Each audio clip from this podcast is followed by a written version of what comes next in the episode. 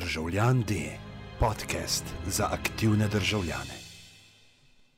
Evo nas, dragi moji, eh, danes je 11. november 2018, vi to poslušate 15. novembra 2018, ko da glik smo ujeli rok, kot se temu lepo reče. Eh, danes je tema pogovora oziroma debate medijska pismenost, eh, z nami je dr. Sandra Bašič Hrvatin. Z njo bi se lahko pogovarjali Ne, ta podcast bi bil lahko potem v, v dveh, treh urah uh, objavljen po, po kosih, lahko bi se pogovarjali o medijski regulaciji, o medijski zakonodaji, o samoregulaciji, o določenih problemih, ki uh, jih imajo recimo mediji na, na trgu v, v sedanjem času. Ampak smo, recimo, da temu za začetek zbrali temo medijske pismenosti. Um, zdaj, medijska pismenost je kot, kot neka veščina recimo, ali pa kot neka, neka znanost, kot neka stroka, prisotna že dalj časa.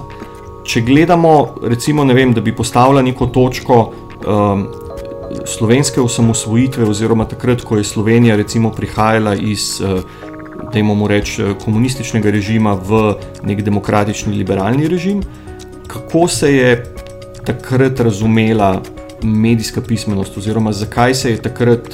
Um, zakaj je bila takrat v bistvu podana ena prvih, recimo, temu inicijativ ali pa pobud, da se je treba ukvarjati s tem, da je treba to razvijati, da je treba to lastnost spodbujati pri državljanih uh, Republike Slovenije.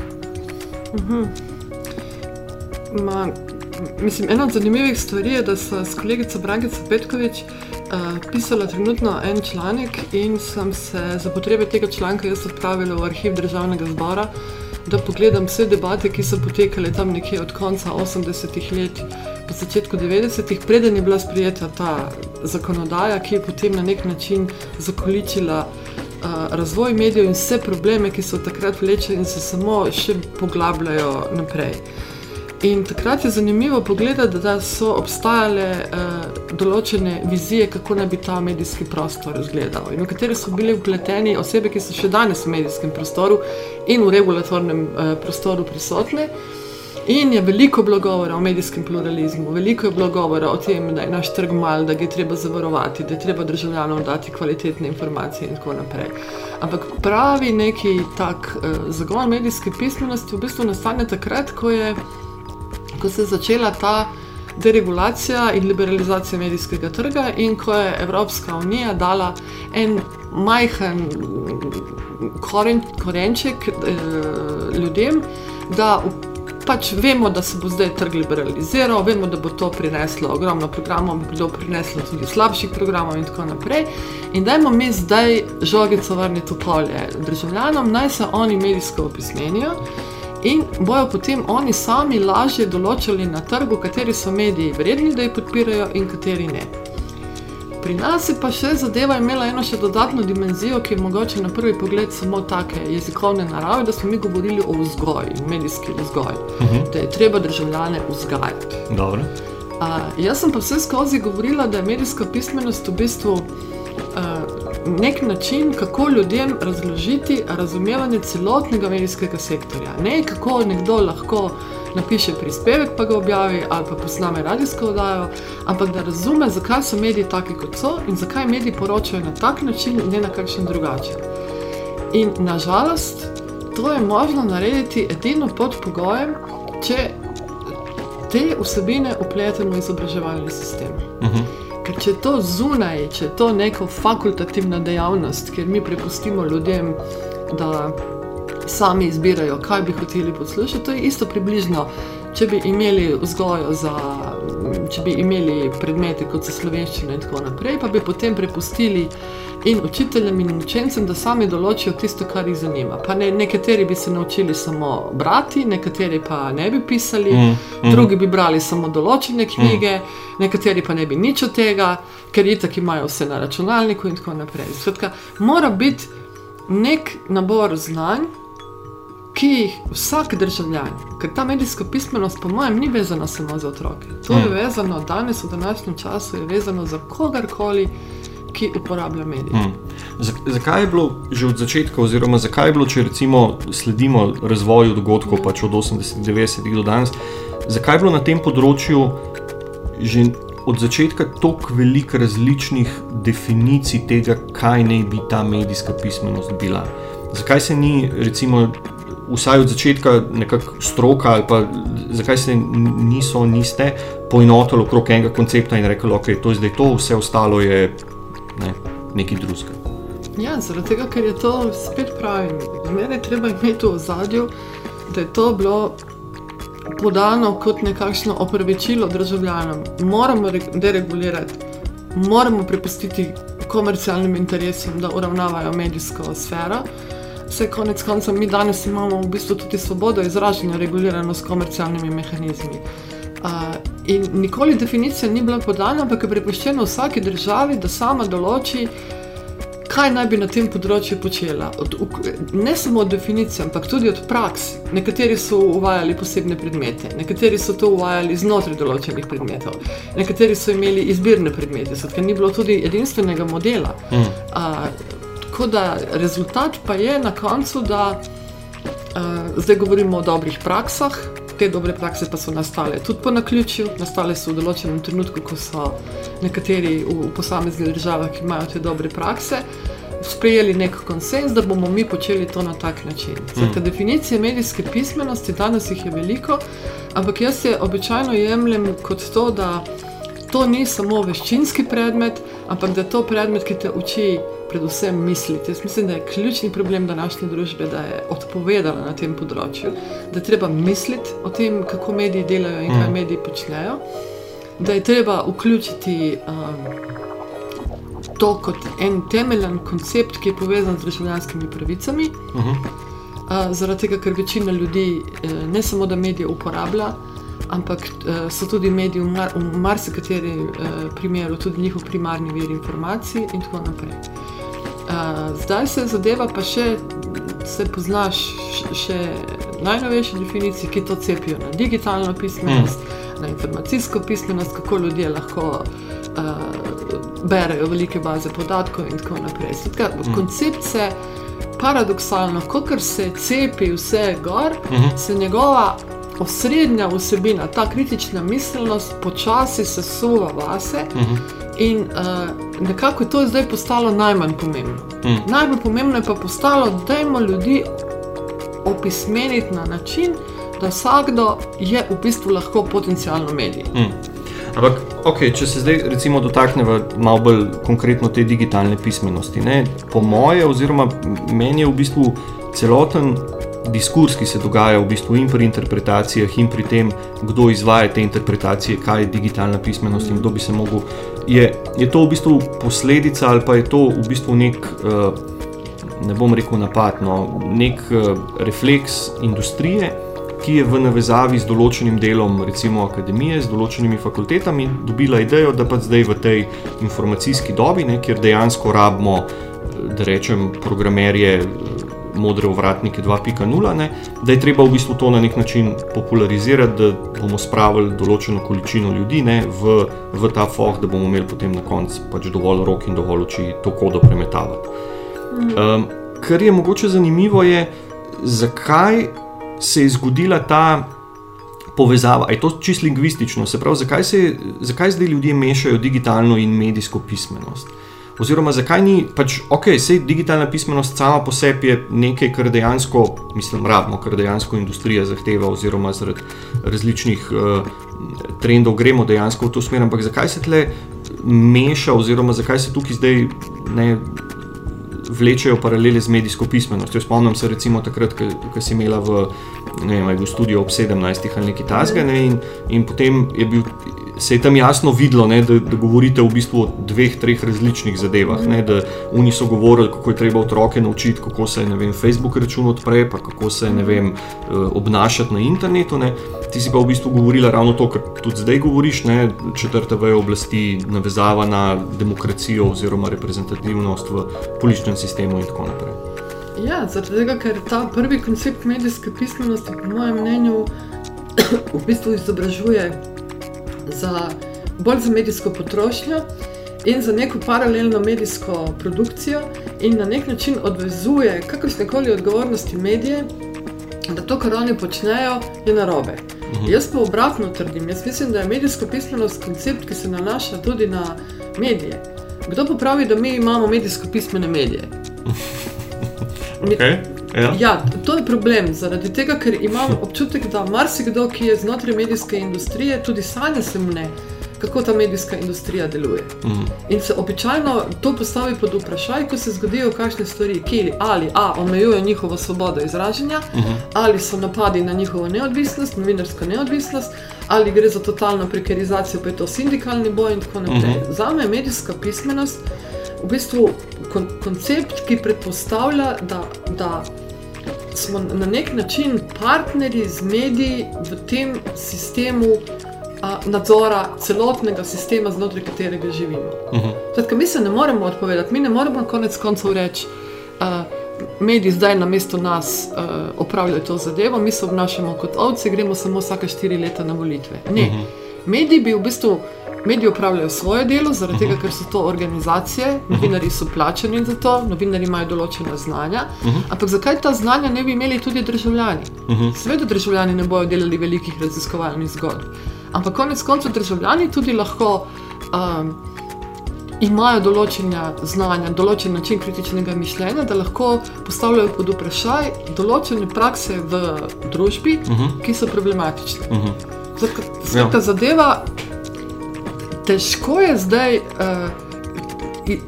nekako demontirati ta koncept veščinske medijske pismenosti in ga nadomestiti za, z enim veliko bolj kompleksnim, holističnim problemom, ker ti moraš poznati celoten sistem. In če ne poznaš sistema, potem se ti vsaka praksa, ki se zgodi, zgodi kot nekaj nenavadnega. Ni nenavadno. Pa če si zdaj omenila, ne, da, da, da medijska pismenost da to ni samo za otroke, ampak da je to neka veščina, ki bi jo mogli imeti vsi, recimo, temu državljani. Ne, če se vsem malo dotakneva tega poskusov uvajanja ali pa ponesrečenih poskusov uvajanja medijske pismenosti v šolski kurikulum. Zakaj je to še vedno tako težko narediti, pa zakaj so bili te poskusi do zdaj relativno neuspešni, ali pa pač neuspešni v tem smislu, da se iz tega ni razvila neka kontinuirana praksa, ampak da je vse ostalo na nivoju nekih projektov oziroma nekih zadev, ki so imele začetek in konec. Ja, zato ker je uh, prav to, šlo je za neko vzgojo. Jaz sem se včasih, ko sem na začetku to delala, bila zgrožena nad tem, ker je uh, veliko krat uh, izobraževanje uh, ljudi, ki bi, ki bi to upravljali, izgledalo kot nekakšna medijska policija. Ker so ljudje imeli skrajno negativen odnos do medijev in so potem uh, poskušali postavljati nekakšne moralne norme, kaj je sprejemljivo, kaj ni. To ni medijska pismenost.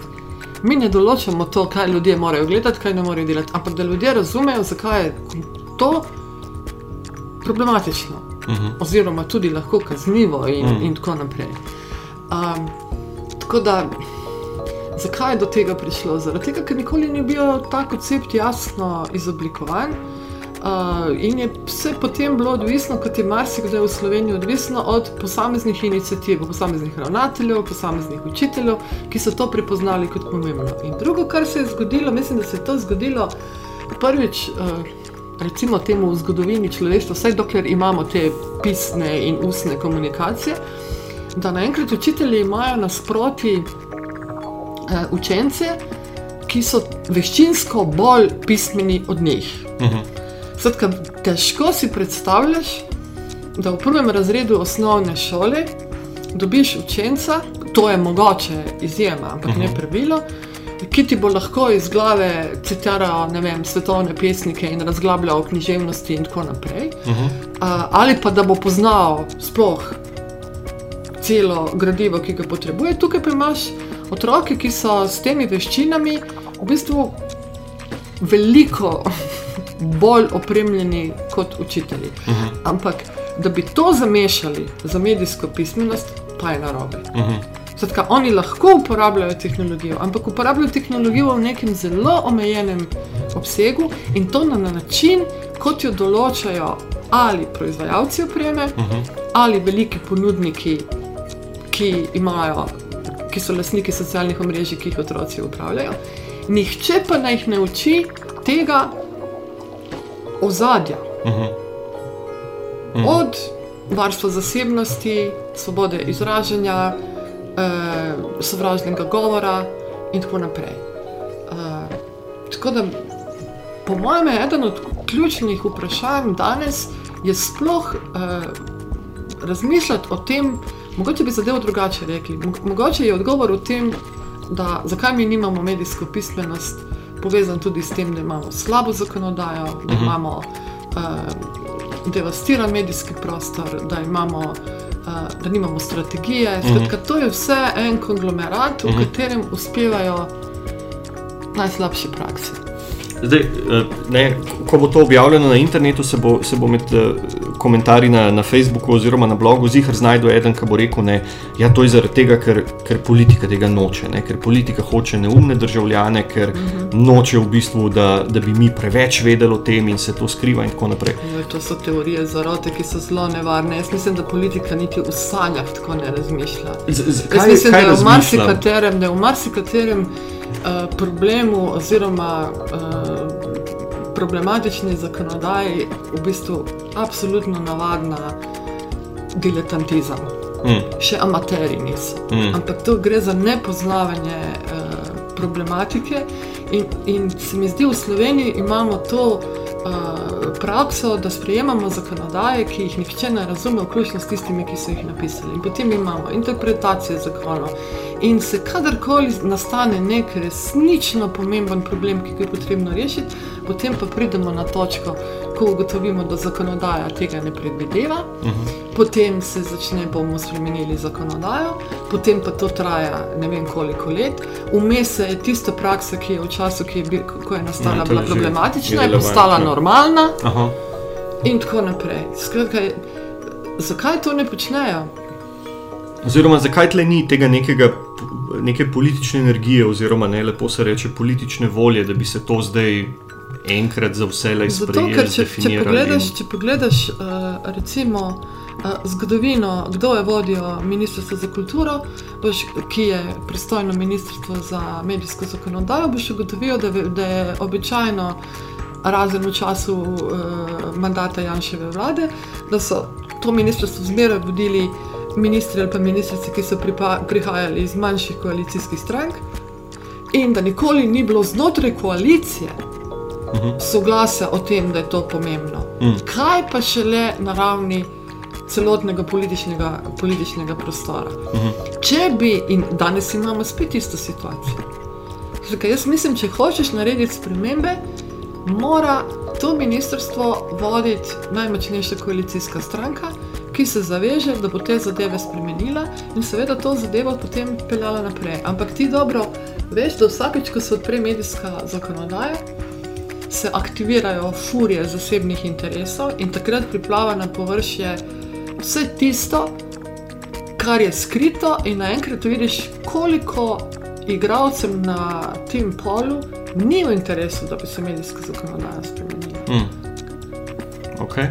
Mislim, to je po eni strani razumljivo, ampak mogoče še eno vprašanje v to smer. Kakšen faktor je tukaj, recimo, civilna družba oziroma pač državljani? Ne? Se tle splača, recimo, ker na drugi strani imaš, ne, na terenu obstajajo posamezniki, posamezne organizacije, ki imajo ali nek uh, pedigre na tem področju, ali ki se zdaj ukvarjajo s temi zadevami. Uh, in bi v bistvu v neki točki lahko rekel, da Ne, čeprav eni govorijo, da ja, to se ne da narediti, ne, to je ne mogoče narediti, ja. vidiš iz praks, da so zadeve izvedljive in da to ni v bistvu. Da, čeprav, gre neko, um, čeprav gre za neko veščino ali pa za neko znanje, ki ni ne, rokodelska, da na drugi strani da se zelo enostavno lahko uvede neke te prakse, ki se potem ne izvajajo. Se pravi, da vse, kar bi mogli narediti, je v najslabšem primeru samo to kodificirati in ne reči, da okay, -huh. ne, nek standard. Ne, razumem, raz, razumem to, to, to je. Uh, jaz mislim, da je uh, največji problem ali pa najslabša politični trend, ki ga imamo zdaj, je, da, nas, da je politika prav pripričala državljane, da se nič ne da narediti in da se nič ne splača. Zato, da smo osamljeni, da smo vsak do sebe vidi kot nekakšnega. Um, usamljenega borca za neke majhne spremembe in tako naprej. Ampak jaz mislim, da je takih inicijativ, inicijativ več. Men, men, meni bi bilo fino, če bi recimo se take inicijative zbrali na nekem neformalnem srečanju in bi recimo si izmenjali ideje, kaj je in poslali nek predlog. Zmeraj je pro problem, da se. Da, da so tisti, ki so v civilni družbi, se ukvarjajo še z ogromno drugimi stvarmi, na koncu konca morajo preživeti, ker jim to ni primarna, primarna zadeva. In potem v to prazno polje vstopijo določeni igravci, ki imajo interes. Zato jaz mislim, da je treba povezati mogoče. Uh, ne vem, mogoče da bi se naredila ena inicijativa, kot so recimo Angliji naredili, uh, inicijativa za reformiranje medijev ali pa inicijativa za uvajanje uh, medijske pismenosti ali nekaj takega. Mislim, da bi ena od uh, tudi možnosti tega programa medijske pismenosti tudi pokazati državljanom, kako, so, kako se lahko povežejo, kako se lahko določene vprašanja v družbi lahko rešijo. Uh mhm. -huh. In to na način, ki je zelo učinkovit in ne zahteva ne vem, kakšne bojevanja in tako naprej. Mm.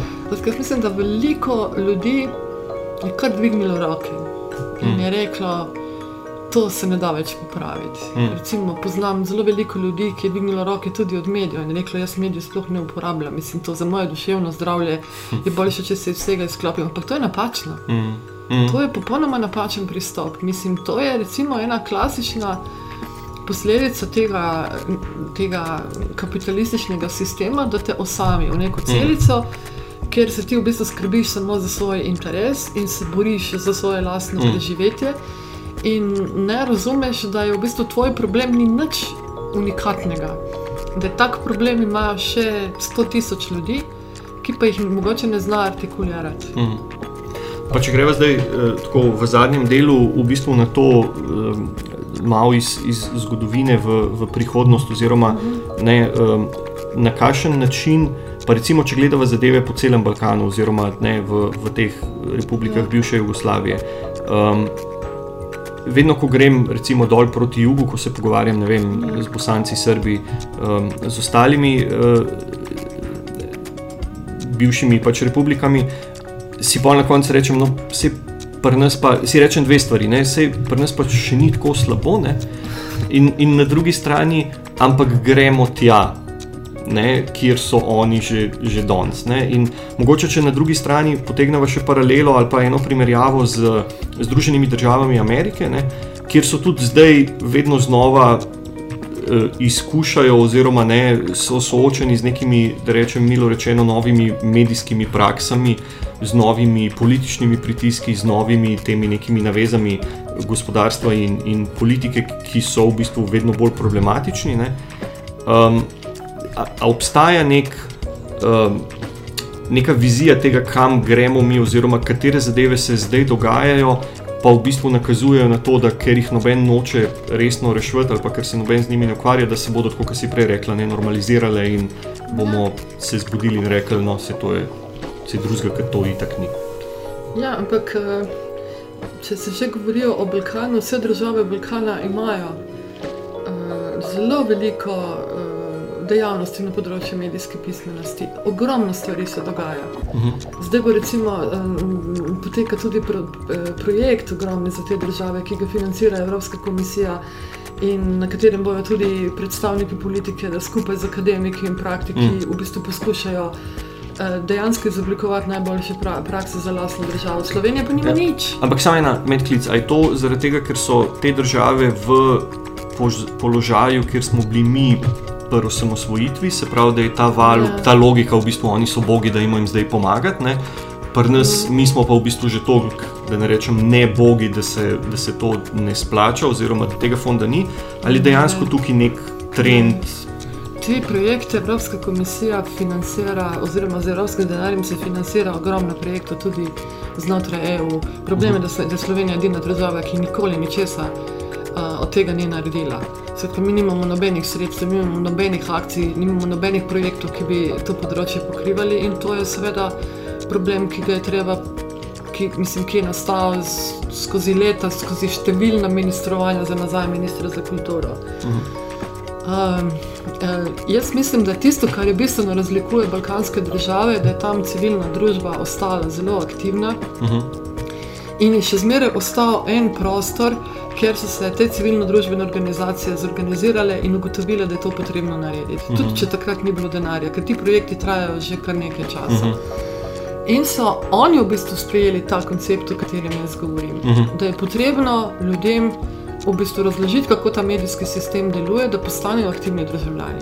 Mi veliko krat govorimo o aktivnem državljanstvu, v Sloveniji nam je polno besed aktivne državljane. Uh -huh. Kaj pa narediti z aktivno državljanjem, če živiš v državi, ki ni aktivna? Mi rabimo -huh. prvo aktivno državo. Državo, ki bo postavila pogoje, da lahko uh, se določeni projekti uh, izvajajo. In zdaj, drugo, to, ko govoriš o, o, o ZDA, jaz mislim, da je tam še ena bolj zanimiva, uh, zanimiva zadeva. Uh, novinari in mediji so desetletja imeli tak nek vzvišen odnos nad ostalimi segmenti družbe, ki jih je res prizadela in politika vrčevanja in vse to, kar se dogaja. In so na nek način niso mogli razumeti, so se kot, kot neka mhm. posebna sfera. Ki mora biti posebno varovana, in mi smo to sprijeli, mi smo v tem naivnem prepričanju to sprijeli. Predsednik Trump pa je to svojo balkansko politiko, če lahko tako imenujem, eh, pokazal v bistvu, da, da njega to ne zanima. Uh mhm. -huh. On ima svoj medij komuniciranja, tiste novinarske konference je nujno zlo, na katerih mora potrpeti, včasih mu poče film, pa potem pove, kaj si misli. In jaz mislim, da šele zdaj v bistvu se novinari zavedajo, da so oni ustoličili Trumpa. Uh mhm. -huh da je tudi to del njihove odgovornosti in da preden vsemi temi kritikami in vprašanji morajo razmisliti o tem, da uh, uh, gledala sem zadnje podatke. 5,2 milijarde dolarjev je porabljeno za midterm elections. Mm -hmm. 5,2 milijarde. Mm -hmm. 20 največjih donatorjev, ki so vsi profilirani uh, tudi na področju uh, državljanskih pobud in tako naprej. Tako, mi govorimo o nekem sistemu, mi smo dejansko pristali v sistemu, v katerem demokracija ni več to, da vsak glas ima enako težo, uh mhm. -huh. ampak da je demokracija to, koliko dolarjev en glas lahko prinese v to skupno mapo. Uh -huh. uh, pa tudi američani teh programov medijske pismenosti. Oni imajo to bolj kot uh, kurikulume v šolah. Uh -huh. uh, oni, oni se tega tako ne lotevajo, oni se lotevajo tega zelo praktično, kot uh mhm. -huh. veščina. Uh mhm. -huh. ja. Za trg dela moraš imeti določene veščine. Uh -huh. To, kar je zdaj pri nas, ta ja. digitalna pisma. Ja, pač ne moreš ti. Uh, Lahko bi te nekdo tudi tožil, da si plačal šolnino in končal šolo, in da potem ne znaš programirati, da ne znaš napisati, uh -huh. in, tako, in tako naprej. Uh -huh. Evropski koncept, vse tako kot ga jaz vidim, je drugačen. To je v bistvu naučiti ljudi, da kritično razmišljajo, na koncu koncev tudi sami prispevajo v neko to javno komunikacijo. Mhm. Vse ne bojo, uh, novinari bojo še naprej pomembni pri. Uh, recimo temu katalogiziranju informacij. Uh mhm. -huh. Jaz ne morem sedeti ure in ure gor na internetu in zdaj brskati in iskati informacije in tako naprej. In pričakujem, da bodo to novinari delali za mene. Uh mhm. -huh. Pričakujem, da bodo delali na mesto teh kratkih novič, ki nimajo nobenega pomena, da, da bo plačeno poglobljeno novinarsko delo. Jaz želim vedeti, zakaj. Uh mhm. -huh. Meni je hitro na internetu dobiti, kdo je, kdaj Mm. To, to mi ni problem. Mm. Ampak zakaj? To je ključnega pomena. Mm. Zakaj vojna v Siriji? Zakaj umor Kašodžija? Mm. Zakaj napadi na novinarje? Mm. Zakaj se je to zgodilo na Malti mm. in tako naprej? Mm. Pa mogoče glih na to vprašanje. Um, a se ti zdi, da zadnjič smo debatirali ne, in, in smo prišli do te.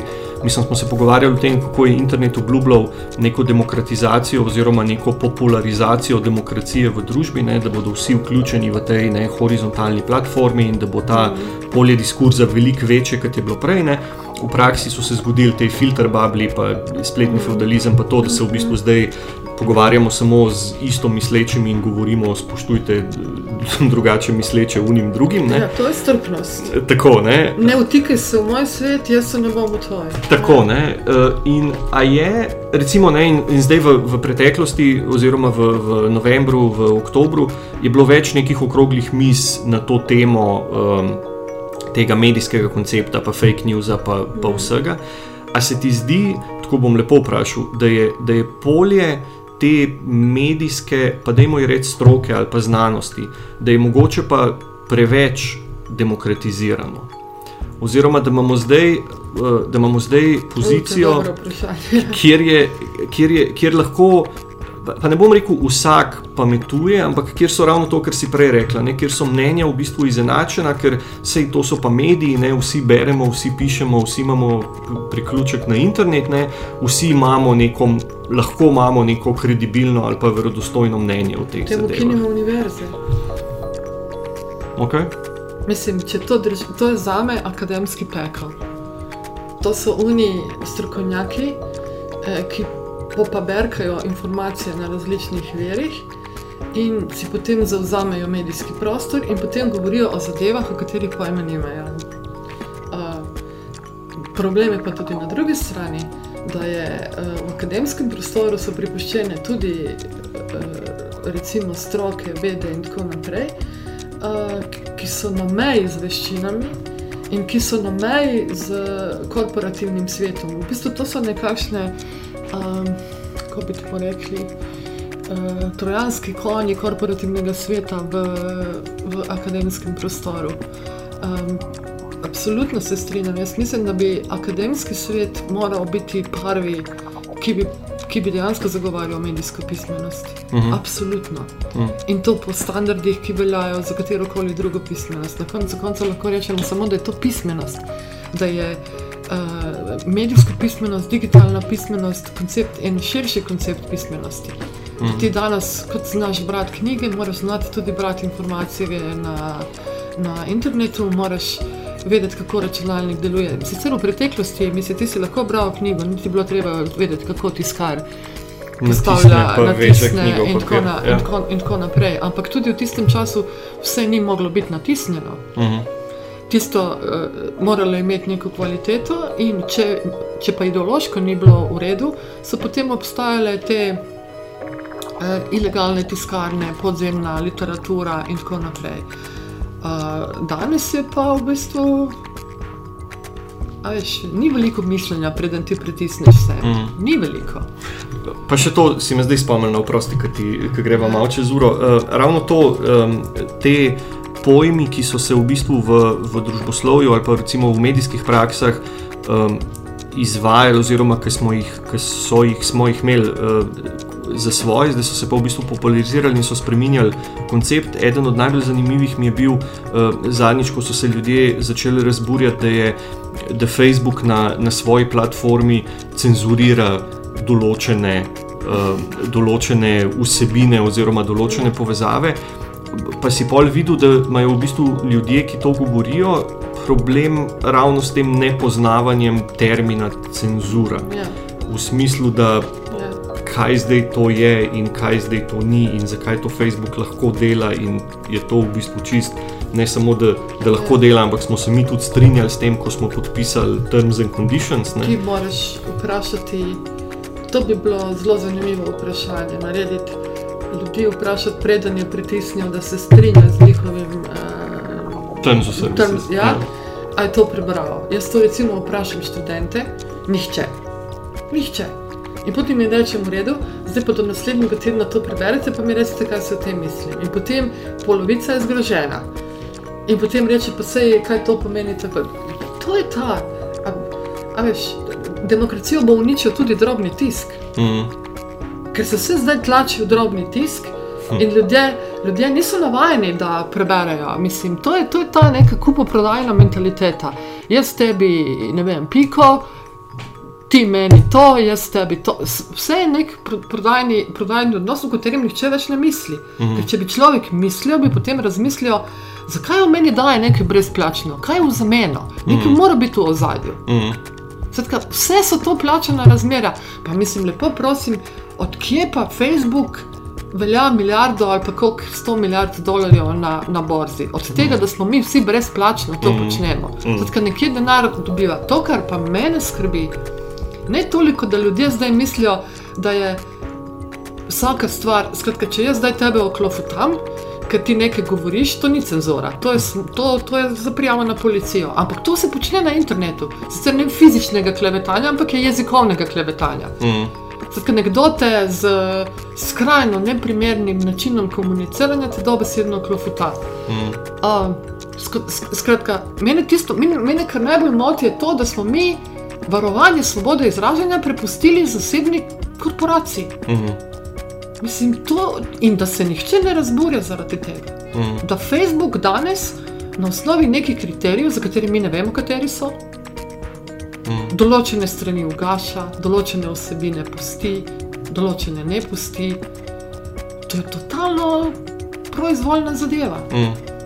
In je tle, mislim, se ti zdi, da je tukaj problem tudi, pa s tem zaključuje, recimo, pomankanje mislim, neke medijske pismenosti ali pa razumevanja teh relacij in strani vem, zakonodajalca, države, regulatorja. In pa misliš, da se bo tle, mislim, da se tle kažejo kakšne.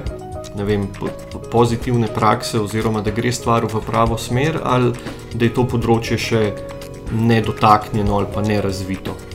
Ne, jaz mislim, da je v tem trenutku, jaz poznam uh, kar nekaj izjemno dobrih praks. Recimo to, kar ti počneš, to, kar počne marsikdo drug. Imaš zelo, uh, ampak to je spet problem. Imaš šole, ki to počnejo, ampak zaradi tega, ker so one prepoznale, da svojim učencem te znanja morajo dati.